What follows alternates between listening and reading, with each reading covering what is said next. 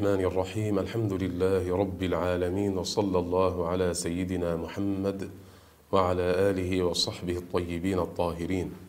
سنكمل إن شاء الله تعالى في تفسير سورة الحشر. أعوذ بالله من الشيطان الرجيم. وما أفاء الله على رسوله منهم فما أوجفتم عليه من خيل ولا ركاب. فما أوجفتم عليه من خيل ولا ركاب ولكن الله يسلط رسله على من يشاء.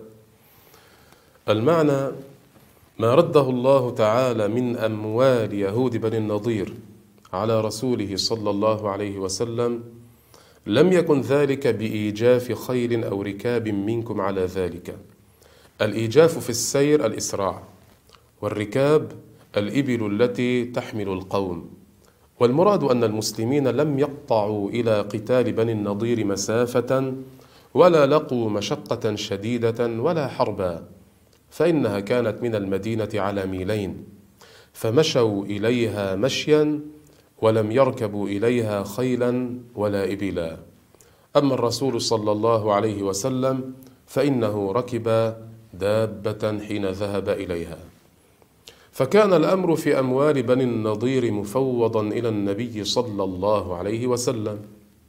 ثم صرفها رسول الله صلى الله عليه وسلم بين المهاجرين ولم يعط الأنصار إلا ثلاثة منهم لفقرهم. صرفها رسول الله صلى الله عليه وسلم كذلك في وجوه البر ومصالح المسلمين.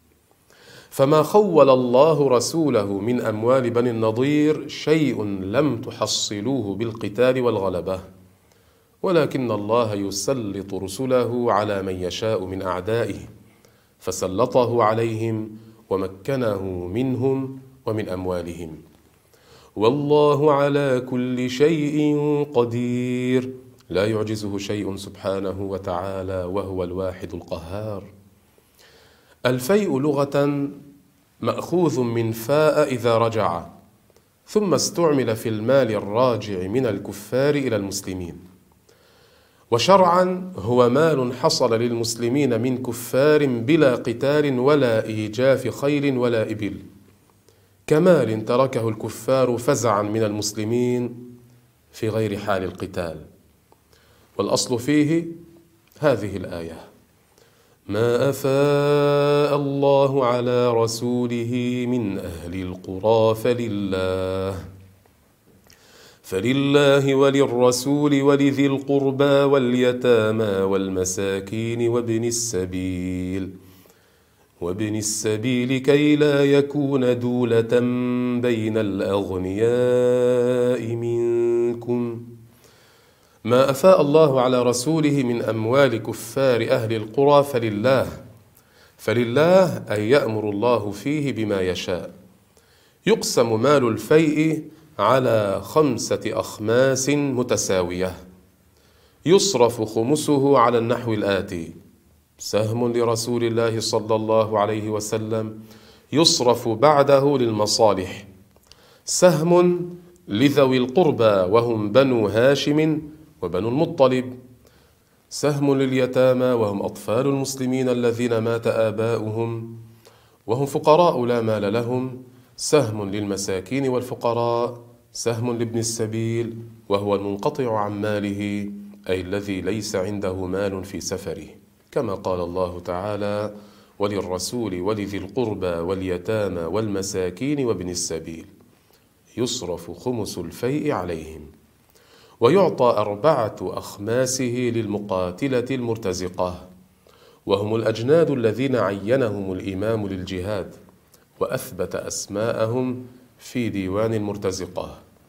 وسموا مرتزقة لأنهم طلبوا الرزق من الله تعالى بانقطاعهم عن عوالق الدنيا للجهاد في سبيل الله.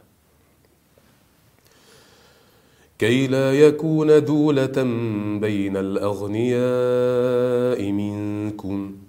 الدولة اسم للشيء الذي يتداوله القوم بينهم.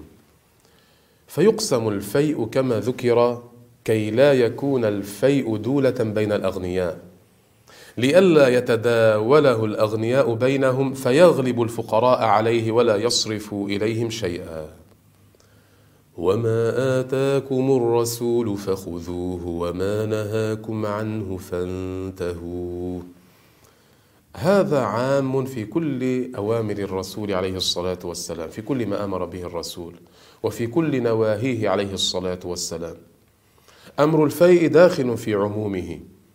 نعم وما آتاكم الرسول من قسمة الفيء والغنيمة فاقبلوه وما نهاكم عن أخذه منها فانتهوا عنه ولا تطلبوه.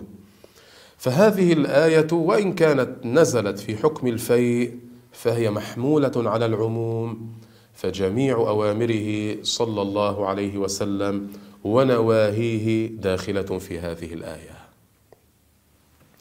واتقوا الله إن الله شديد العقاب. اتقوا الله اتقوا الله في أوامره ونواهيه فلا تضيعوها. إن الله شديد العقاب لمن خالف ما أمر به سبحانه وتعالى. للفقراء المهاجرين الذين أخرجوا من ديارهم وأموالهم. الذين أخرجوا من ديارهم وأموالهم يبتغون فضلا من الله ورضوانا يبتغون فضلا من الله ورضوانا وينصرون الله ورسوله. بين الله حال الفقراء المستحقين لمال الفيء أنهم المهاجرون الذين أخرجهم كفار مكة من ديارهم وأموالهم. أحوجوهم إلى الخروج. تركوا أوطانهم تركوا أموالهم وتحمل هؤلاء المهاجرون الضيق والتغرب في حب النبي صلى الله عليه وسلم وفي حب الإسلام. وصفهم الله عز وجل بأنهم يبتغون فضلا من الله ورضوانا. يطلبون الجنة يطلبون رضا الله. ووصفهم بأنهم ينصرون دين الله بأنفسهم وأموالهم ويجاهدون مع رسول الله صلى الله عليه وسلم في سبيل الله. ووصفهم الله عز وجل بقوله أولئك هم الصادقون. هم الصادقون في إيمانهم هم الصادقون في جهادهم قولا وفعلا. وفقني الله وإياكم إلى ما يحب ويرضى والله أعلم وأحكم.